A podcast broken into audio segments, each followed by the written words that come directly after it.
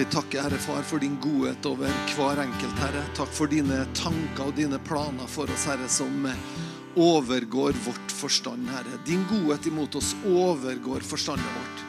Så ber vi i dag når vi samles, Herre, så ber vi om at du skal åpne ditt ord for oss, og at du skal bare øse inn i vår sjel og inn i vårt hjerte, inn i vår ånd. og At du skal styrke hver enkelt som hører, både som er til stede her og, og som er med på Zoom. Vi takker for din nåde og din godhet, Herre.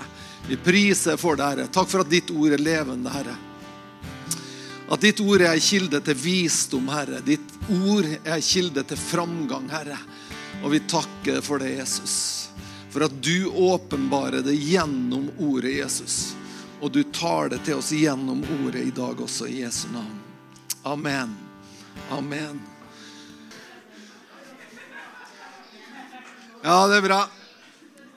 Det er bra. Det flyter over. Det er kjempeflott.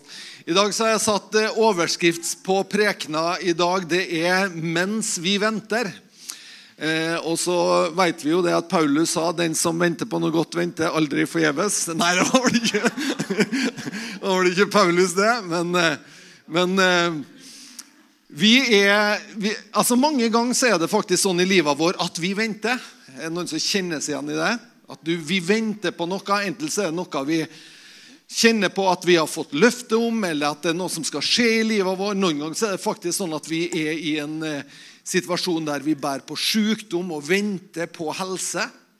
Vi venter på et mirakel noen ganger òg, gjør vi ikke? At vi på en måte er i en posisjon der her trenger faktisk et mirakel, eller jeg trenger, et gjennombrudd i, i situasjonen i livet mitt. Eh, og, og, Derfor så er det på en måte litt sånn setter bare overskrifta 'mens vi venter'. Fordi at Mange ganger så er det sånn at vi tenker at eh, når det gjennombruddet kommer, da begynner livet mitt. Eller når den eh, døra åpner seg, da begynner livet mitt. Eller når det helsemessig kommer på plass, da begynner livet mitt. Er noe som kjenner seg igjen i det at liksom vi er, vi er framme der, og så når det her kommer på plass, og da er det på en måte, og, og litt sånn, det er jo, det er jo egentlig eh, Materialismens bedrag er jo akkurat i det der. For materialismens bedrag er jo om vi bare får, så blir alt bra. Og så når du da har fått, så var det ikke bare det, men da var det også neste. Og Sånn er det egentlig på veldig mange områder i livet. Det er på en måte at Vi ser for oss at når det her kommer på plass, da kan jeg begynne å leve. Men jeg har gode nyheter. Det er at du er levende i dag. At du lever i dag, og du lever fullt ut i dag. Og så Hvis vi da kjører på en Arja Sayoma i tillegg, da, så blir jo Annika glad som er med oss på Zoom. Inte visste vel jeg at varje dag som gikk, var selve livet. Hæ? Og det er akkurat det, altså at Vi må på en måte ta imot dagene som vi har. Vi må ta imot det livet vi har, og leve det nå. Fordi at Gud ønsker ikke bare at vi skal være styrt av det som en gang kommer, eller det som kommer lenger fram, men at vi kan leve i ventetid også fullverdige liv. Tror du ikke han vil det? Han vil at du skal leve og røre det og være til i Han også mens du venter. Vi skal begynne i Jesajas 40 og hør her fra vers 27, og så leser vi litt eh, til og med vers eh, 31. Hvorfor vil du si Jakob og tale slik, Israel?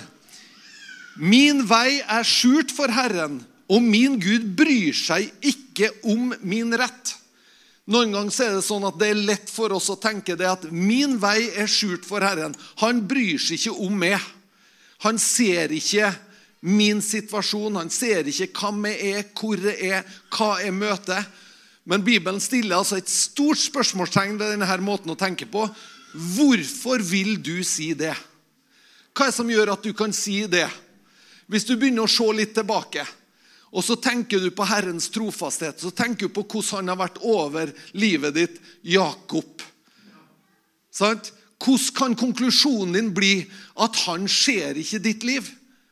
Da er det noe lureri som har skjedd her, Jakob. Da må du være våken, for her er det noe annet. Min vei er skjult for Herren. Min Gud bryr seg ikke om min rett. Vet du noe? Han bryr seg om det. Han ser din vei, han bryr seg om din rett, han bryr seg om ditt liv, og han ønsker å møte det. Og så fortsetter vi. Vet du ikke etter, eh, eller har du ikke hørt det? Herren er den evige Gud som skapte jordens ender. Han blir ikke trett. Han blir ikke utmattet. Hans eh, forstand er uransakelig. Han gir den trette kraft, og den som ingen krefter har, gir han stor styrke. Gud han skapte jorda, og han blir ikke trett. Og han blir ikke utmatta, og hans forstand er uransakelig. Når Gud jobber på dine vegne bak kulissene, så er det litt uransakelig. Du forstår ikke alltid den prosessen du er i. Det er ikke alltid sånn at vi har full oversikt. Vi har ikke, vi har ikke det hele bildet. ikke sant? Men han jobber, og så virker det for oss litt uransakelig. Noen ganger vi skjønner det ikke helt. Men slapp av, for han er der, og han jobber for oss. Gutter blir trette og utmattet, og unge menn snubler. Men den som venter på Herren, får ny kraft. De løfter vingene som ørner. De løper og blir ikke utmattet. De går og blir ikke trette. Wow. Dem som venter på Herren det her er, og Ester leste et løfte om det å ha gudsfrykt. Men det å vente på Herren er faktisk å ha gudsfrykt. Å vente på hans sine løsninger, vente på hans sine veier, det er å frykte Gud. Og Det er på en måte der åpninga fins for oss.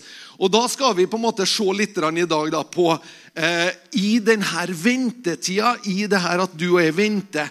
Og hvem er da bedre å se på enn Abraham? Det er sikkert mange andre forslag i salen her. Men Abraham, og da kan vi begynne i Første Mosebok, der finner du Abraham.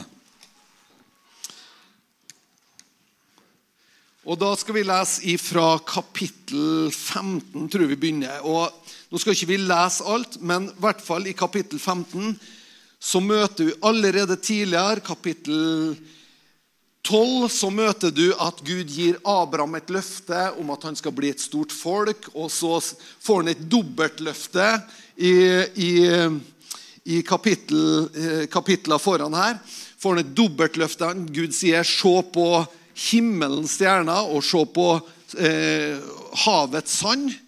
Så stor skal din eh, ett være. Så Gud gir Abraham et dobbelt løfte. og eh, eh Sanda er et bilde på den jordiske ætten som han skal få. Og så er stjernene et bilde på den Eh, den himmelske ætten som Abraham skal få. Altså han skal få. Vi er jo til og med Abrahams barn i kraft av løftet og i kraft av troa. Og så ble han også et stort folk rent jordisk, så det er fantastisk. Men eh, så er det jo sånn at Abraham opplever nettopp det her, at det drøyer.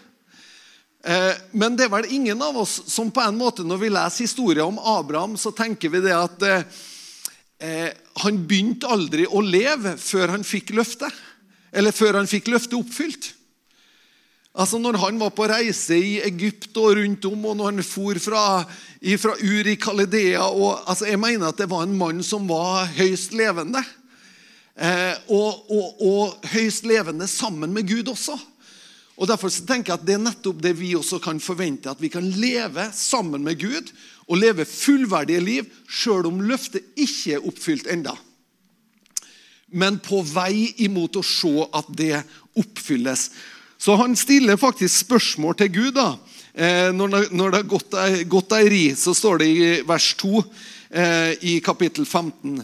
Herre, hva vil du gi meg? Du ser at jeg går barnløs bort. Og det blir Elieser fra Damaskus som skal overta mitt hus. Eh, så sa Abraham, se, se, du har ikke gitt meg barn. En som hører til mitt hus, skal arve meg. Og så sier Herren, han skal ikke arve deg, men en som skal komme fra ditt eget liv, skal arve deg. Så tok han ham med utenfor og sa, se nå opp mot himmelen og tell stjernene, om du klarer å telle dem. Så sa han til ham, slik skal din ett bli. Og han trodde på ham, og han regnet ham det til rettferdighet. Så han sa til ham, 'Jeg er Herren som førte deg ut fra Ur i Kalidea for å gi deg dette land som arv.' Så Gud gir et løfte til Abraham. Han gir, eh, gir på en måte en beskrivelse av det som kommer, og så sier han det her er det du har i vente. Mens du venter jeg tenkte bare jeg skulle ta med tre ting det ikke er lurt å gjøre mens du venter. Ok? Og skal vi ta med tre ting det er lurt å gjøre. Og så kan du sjøl utbrodere lista, for det er sikkert veldig mange ting det ikke er lurt å gjøre, og veldig mange ting det kan være lurt å gjøre. Men jeg har lyst til å ta med tre ting. Den første tingen det er å klage. Det å klage det er ikke lurt å gjøre når du venter på Guds løfte. Eh, men Bibelen er full av det. At de klaga, og vi ser israelsfolket som på en måte skulle inn i løfteslandet. De var tatt ut av Egypt, og så skulle de inn i løfteslandet. Og så står det i 4. Mosebok 14 så står det alle israelittene klagde til Moses og Aron. Hele menigheten ropte til dem. Tenk deg stemninga i den menigheten, du. Hæ? Jeg skulle ikke ville ha vært pastor der, altså. Når Hvis hele menigheten klager, og alle roper til, da, altså Det er da du tenker at det her er ikke bra. Sant? Eh, men hva skjer når vi klager på denne måten? Og det de sier, da Bare vi hadde fått dø i Egypt eller her i ørkenen Bare vi hadde fått dø. Og så, Det som skjer når vi klager, det er faktisk at vi distanserer oss sjøl det israelsfolket gjorde, de distanserte seg sjøl ifra å ta ansvar. De sa at 'Moses, det er du som har lurt oss. Nå er vi her.' Altså, Hvem var det som var i fangenskap i Egypt? Moses var ikke det. Moses bodde i Midian. Han Han var ikke i fangenskap. Så han reiste fra Midian ned til Egypt for å befri det her folket. Han hadde det bra, han. Ikke sant? Men det her folket var i fangenskap. Men plutselig, når de er fridd ut av fangenskapet, så distanserer de seg sjøl og sier at vet du noe, det er du som har lurt oss. Det er noen andre. Vi klager, vi peker på noen andre. Det er det vi gjør når vi klager. Vi, vi velger å ikke sjøl ta ansvar for vår egen situasjon, for det vi er i. Det gjør vi når vi klager. sant? Så det skal vi ikke gjøre. Vi skal eie det sjøl og si at det her problemet, det her utfordringa, det, det jeg står i, det er ikke noen andres skyld. Ikke, jeg kan ikke peke finger og si at jeg hadde foreldrene mine ditt og datt. og sånt der. Vet du, Vi har frie valg.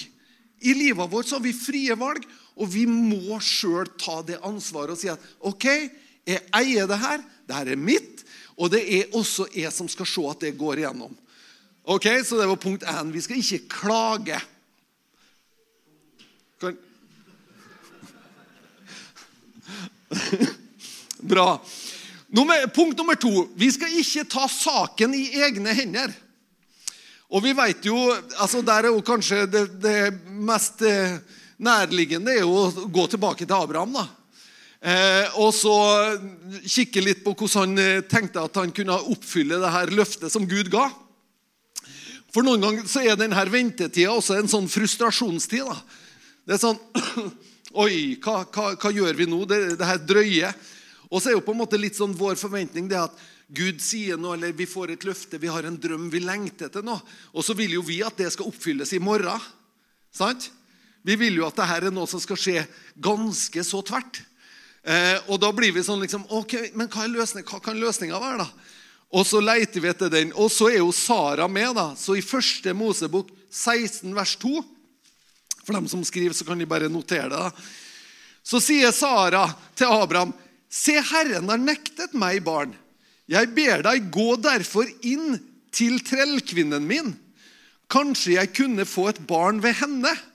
Og Abraham gjorde som Sara sa.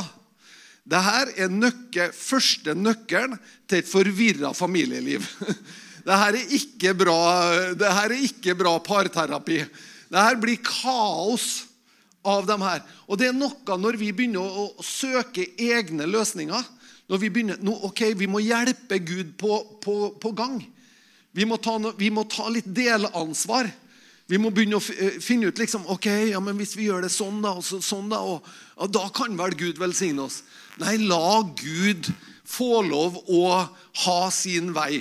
La, han, la oss få lov å hvile i at han har mer oversikt enn hva vi har. Og så vet vi at ut ifra det det her uanstendige forslaget fra Sarai, da, så, så ble det faktisk sånn at det, det ble splid og, og, splittelse og kamp og strid med, eh, med, Ismael, som da ble født ut av det her. Så noen ganger er det sånn at En ting er at vi ønsker å løse det sjøl, men det det fører med seg, er faktisk ganske strevsomt for oss. Hvis vi skal opprettholde noe som vi sjøl har produsert eller har lagt fram, og så skal vi på en måte si at ja, men det her er Guds måte å forsørge oss på, eller det her er Guds måte å løse det på. Ok? Så nummer to er altså at vi ikke skal ta saken i egne hender. Og vi skal heller ikke, eh, nummer tre, vi skal heller ikke finne oss en annen partner. Og da tenker jeg ikke på ektefelle, eller sånn, men jeg tenker på Eh, det står om eh, noen av kongene i Israel som gikk inn partnerskap med andre konger. Og plutselig ble mer opptatt av det forbundet de hadde gått inn med dem, enn det forbundet de hadde med Gud. Og så sier også Bibelen i 2. Korinterbrev eh, 6,14 så sier 'Dra ikke i fremmed åk med vantro', står det. Og Det er jo et vers som på en måte er syfta på eh, ekteskap, egentlig. Altså At vi ikke skal gå i, i fellesåk med noen som ikke er troende. Eh, og Det er på en måte, det, det er jo ei rettesnor til samlivet, som er et, go, et godt tips for oss. For hva delaktighet har rettferdighet med lovløshet? Eller hva samfunn har lys med mørke? Eh, og Det er på en måte en litt sånn forståelse vi trenger å ha. At det å gå inn i et partnerskap som ikke er sunt, og som ikke drar egentlig i samme retning, det vil alltid være mer krevende enn det vil være til velsignelse. Nå kan man velge å gjøre det, men om man velger å gjøre det, så må man vite at vet du, det her det gjør jeg, men det har en pris. Det har en høy pris. og derfor så er det på en måte, og Hvis, da venter, hvis da løftet ditt er at du venter på en ektemann jeg, jeg, jeg kjenner noen her eh, som gjør det, for å si det sånn. Eller, eh, sant? Hvis det er løftet du venter på, og du da tenker ja, men da er det sikkert lurt at jeg gjør det sånn, og Guds ord sier nei, ikke verdt å gjøre det sånn. Ha ro nå, ha tålmodighet. Vent på det løftet Gud Ja, men han, han, er, han er typen, han er så kjekk. og han er så... Jeg vet ikke hvor mange ganger jeg har hørt det som pastor. Ja, men du skjønner at jeg, jeg, jeg kjenner Gud har kalt meg til å og jeg skal bli sammen med han, og så skal han bli frelst. Blada. Det er ikke sånn det skjer.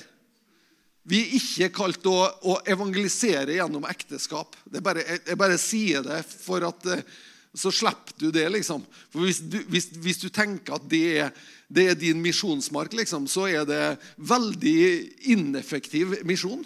Er det? Eh, liksom hvis du Ja. Så det her er, det er litt sånn klar tale. ok? Men ikke gå inn i partnerskap med andre. La Gud være din partner. La han være den som åpner dørene for det. La han være den som åpner mulighetene for det. Ok? Nå tenker, jeg, nå tenker jeg det også i forhold til at eh, eh,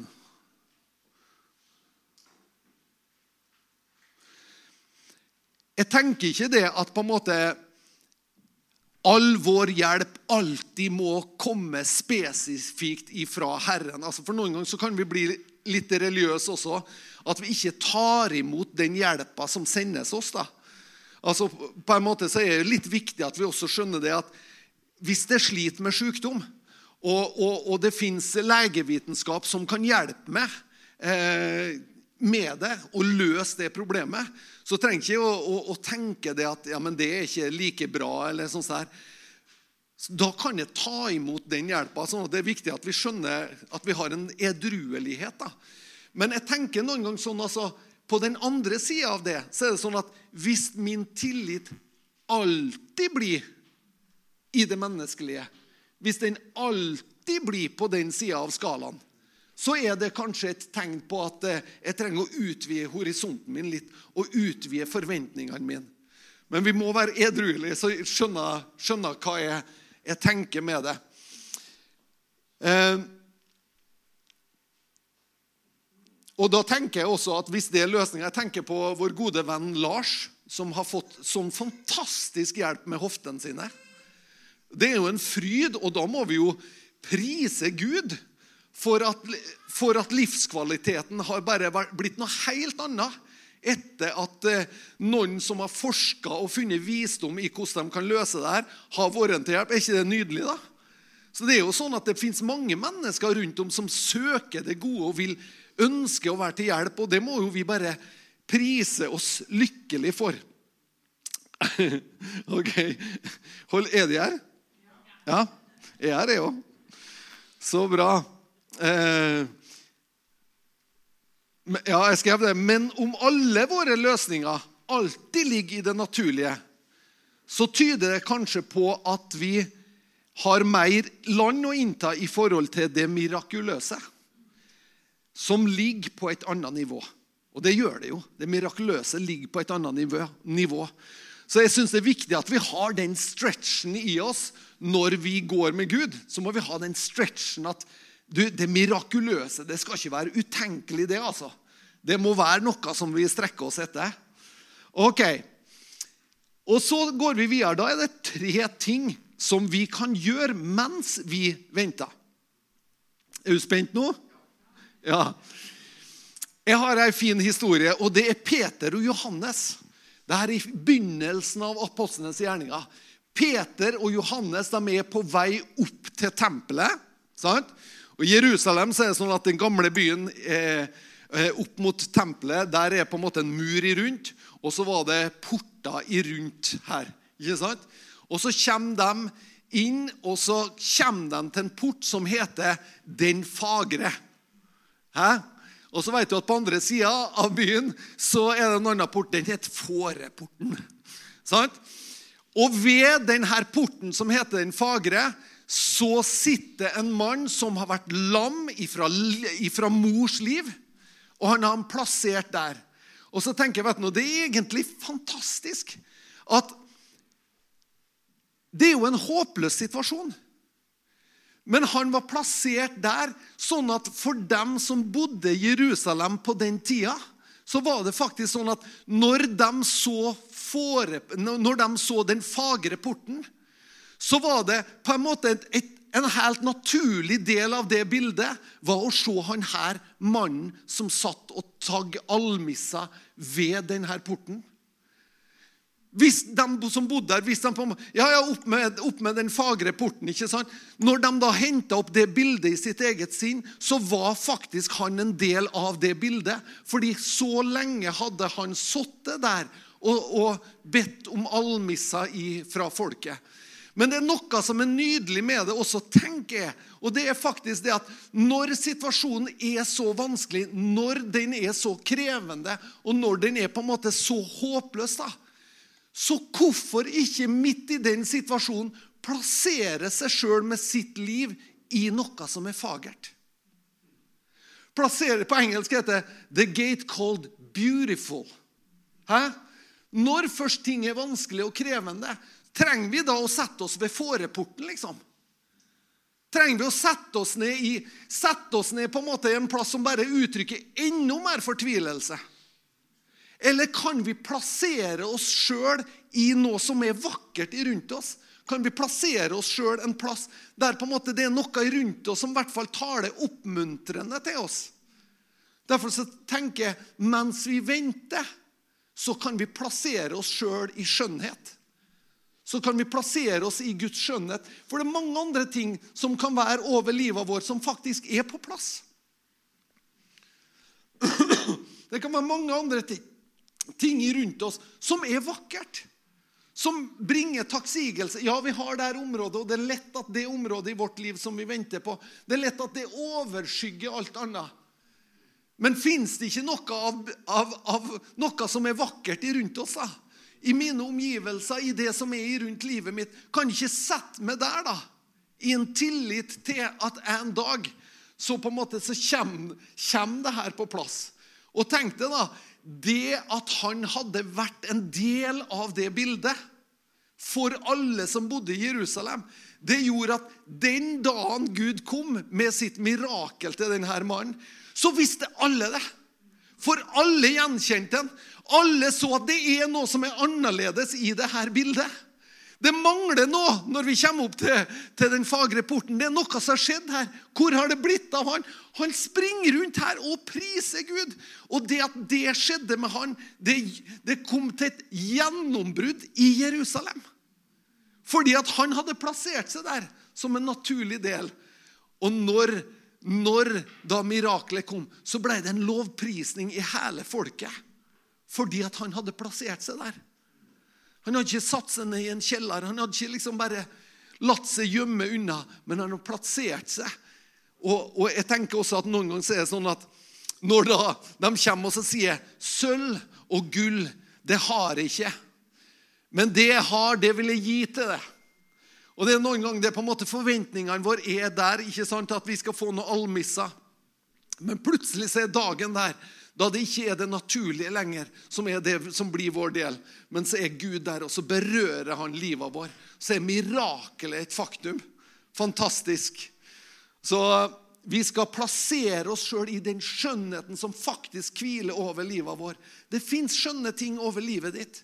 Det fins ting som du kan på en måte plassere deg i og si at vet du, her ønsker jeg å sitte. Ønsker å sitte i takksigelse. Ønsker å sitte på en plass der det bringer ære til Gud. Sjøl om ikke alt er på plass ennå, sjøl om ikke jeg har sett alt ennå, så ønsker jeg å være der. Og nummer to, som du skal gjøre mens du venter Lev ditt liv og gjør det beste ut av situasjonen. Lev ditt liv og gjør det beste ut av situasjonen. En fantastisk reise vi kan være med på i Det gamle testamentet. Fra eh, første Mosebok 37 eh, og framover 20 kapittel. Det er reisa til Josef. En fantastisk reise. Han har drømmer, han har, han har syner, han har forventninger, han har noen løfter som Gud har gitt ham. Sant? Men det han opplever, er så annerledes enn det som løfta sier. Men midt i det da, så møter vi en mann som, som gang på gang bare velger å reise opp i en verdighet. Han reiser opp, og så gjør han det beste ut av situasjonen. Eh, fantastisk i første Mosebok 39. Så står det jo historia først da om Jeg kan, kan slå det opp. Første Mosebok, kapittel 39.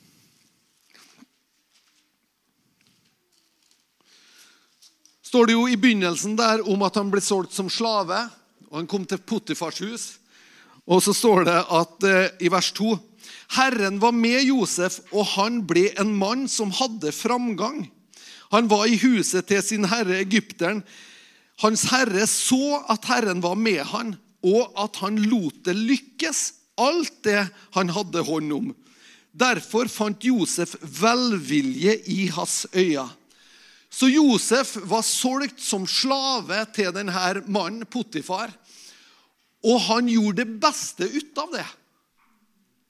Så han begynte å forvalte det han var satt over, på en sånn måte at alle så det at vet du, denne mannen hviler det noe, noe, spesielt over. Han kunne ha vært å satse ned og klaga. Han kunne ha vært å sitte der og vært bitter på brødrene sine. Han kunne, han kunne skubba problemet ifra seg sjøl og sagt at det er noen andres skyld at det er her.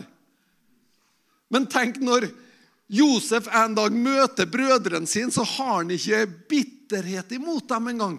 Så sier han bare 'Det var ikke sånn', sier han. 'Det var Gud som sendte meg foran til Egypt' for at jeg skulle bli til redning for mange folk. For et perspektiv! Hvis du blir solgt som slave, du blir banka av brødren din, du blir kasta i en brønn, du blir dratt opp og solgt som slave. Og så er du der, og så blir du kasta i fengsel. Og hva skjer når han kommer i fengsel? Jo, Det står at i fengselet til og med, Hva begynner han med liksom, når han sitter i fengselscella? Ja, men Oi, kjøle, hva rotete det var her. Kan vi ikke ordne opp litt, da? Kanskje han begynner på fengselscella si og ordner opp vasker og henger opp noen fine eh, et eller, Jeg vet ikke. Han begynner, og så er bare fengselsvokterne bare Wow! Eh, Åge kan jo fortelle hvordan det fungerer i praksis. Sånn, og så bare er det noe med en som det bare sprer om seg. Det begynner på cella hans, og så begynner det på korridoren hans. Liksom, og så er det plutselig avdelinga som blir prega av denne mannen, som tar et annet standpunkt, som lever livet sitt fullt ut der er. Han går ikke og surmuler og sparker småstein og er irritert. Han tenker vet du, i han er det jeg lever og rører meg og er til. Jeg lever fullt ut og gjør det beste ut av situasjonen jeg er i. Hæ? Wow! Wow! For en lærdom, altså. Og det er det som er over.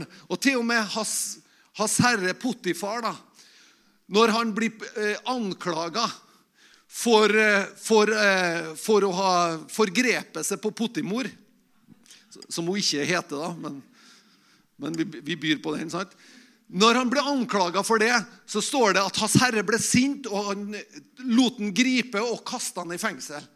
Men det er helt klart at Potifar trodde egentlig på Josef. For hvis han ikke hadde trodd på han, så hadde han ikke kasta han i fengsel. Han hadde kommet til å avrette han.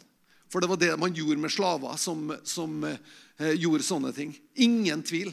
Så djupt inne så trodde faktisk ikke Potifar på Potimor. Han skjønte det at det er noe annet som hviler over den mannen. her. Alt jeg har sett av ham, har vært troverdig. Alt han har kommet med, har vært bare topp klasse. Det her stemmer ikke. Men for familiefreda nå så må jeg bare gripe inn. Er det noen som kjenner igjen den? Nei!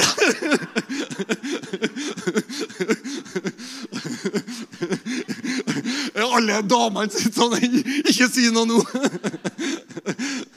Ok. Og så skal vi bare ta med en ting også til. Og det er i, de, i de versene fra Jesajas vi begynte med. Den som venter på Herren, så står det at vi skal Vi får ny styrke, står det på den norske oversettelsen. Men, og det er litt sånn passivt Vi venter på Herren. Vi sitter og venter på Herren, og så får vi ny styrke. I, i um, New King James-oversettelsen så står det at uh, But those who wait on the Lord shall renew their strength. De skal fornye sin styrke. Og jeg tenker Det er også noe vi gjør mens vi venter på Gud. Så må vi fornye vår styrke. Det vil si at vi veit egentlig hvor hente er styrke hen.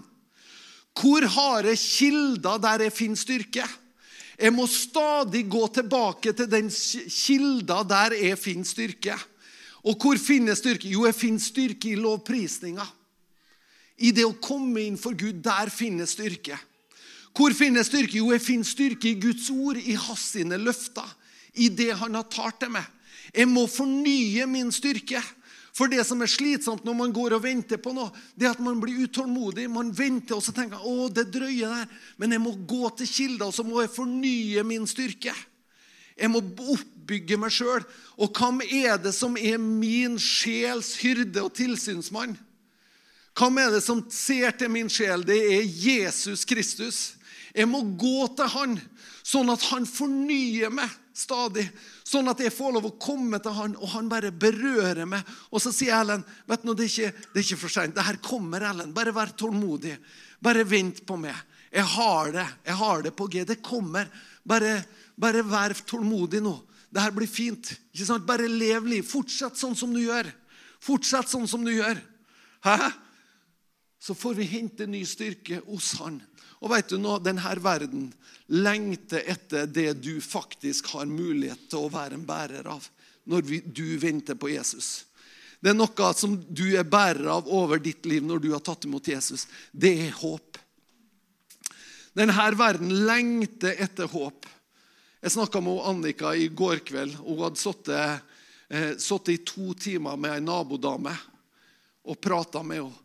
Dama hun var fager i det ytre, full av Butox og, og forskjellig som hun har gjort for å pusse på der og ikke tenk, Det var ikke på Frei, og ikke tenk på nærmeste naboen var på Frei.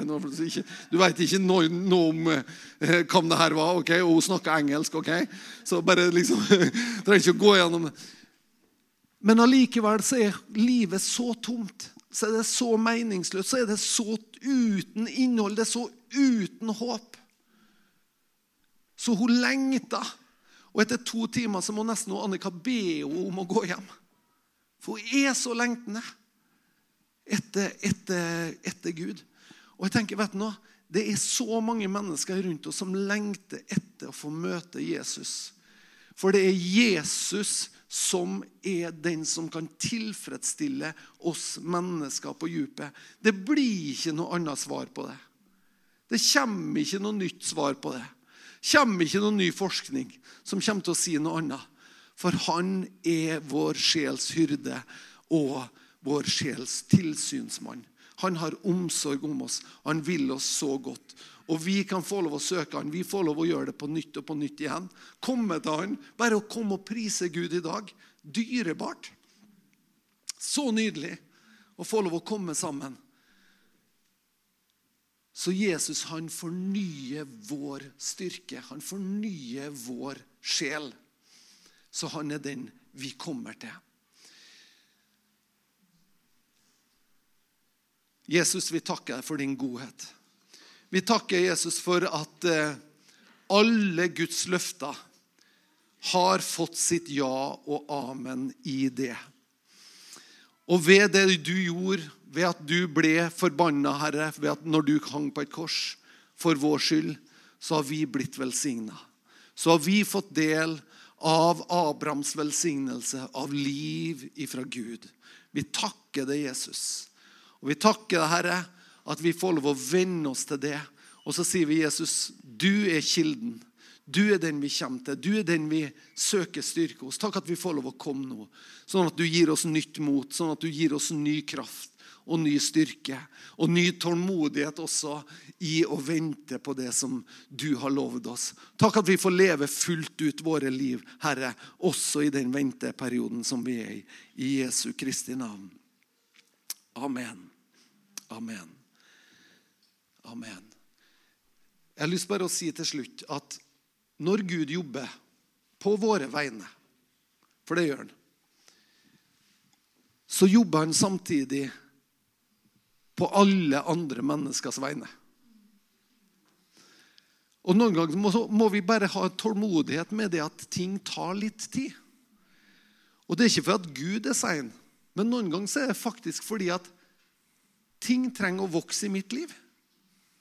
Ting trenger å komme på plass i livet mitt. Kanskje modning, kanskje noe som gjør at oi, her, når det detter på plass, da er det bedre at det her kommer etter det. Er det noen som noen gang har bedt noen bønnevner og så er glad for at du ikke fikk svar på? I etterkant, når du tenker på hvor du sjøl var når du ba deg? Mange ting er jeg takknemlig for at jeg ikke fikk bønnesvar på. For jeg var ikke moden til å ta imot. Og så er det også sånn at Gud jobber med andre mennesker. og så og så har vi alle valg, og så har vi alle muligheter, og så tar vi noen steg hit og så noen steg dit. Så Gud på en måte, han jobber med oss alle, han. Og han åpner det opp for oss alle. Så må vi bare være takknemlige i stedet for utålmodige. Amen. Amen.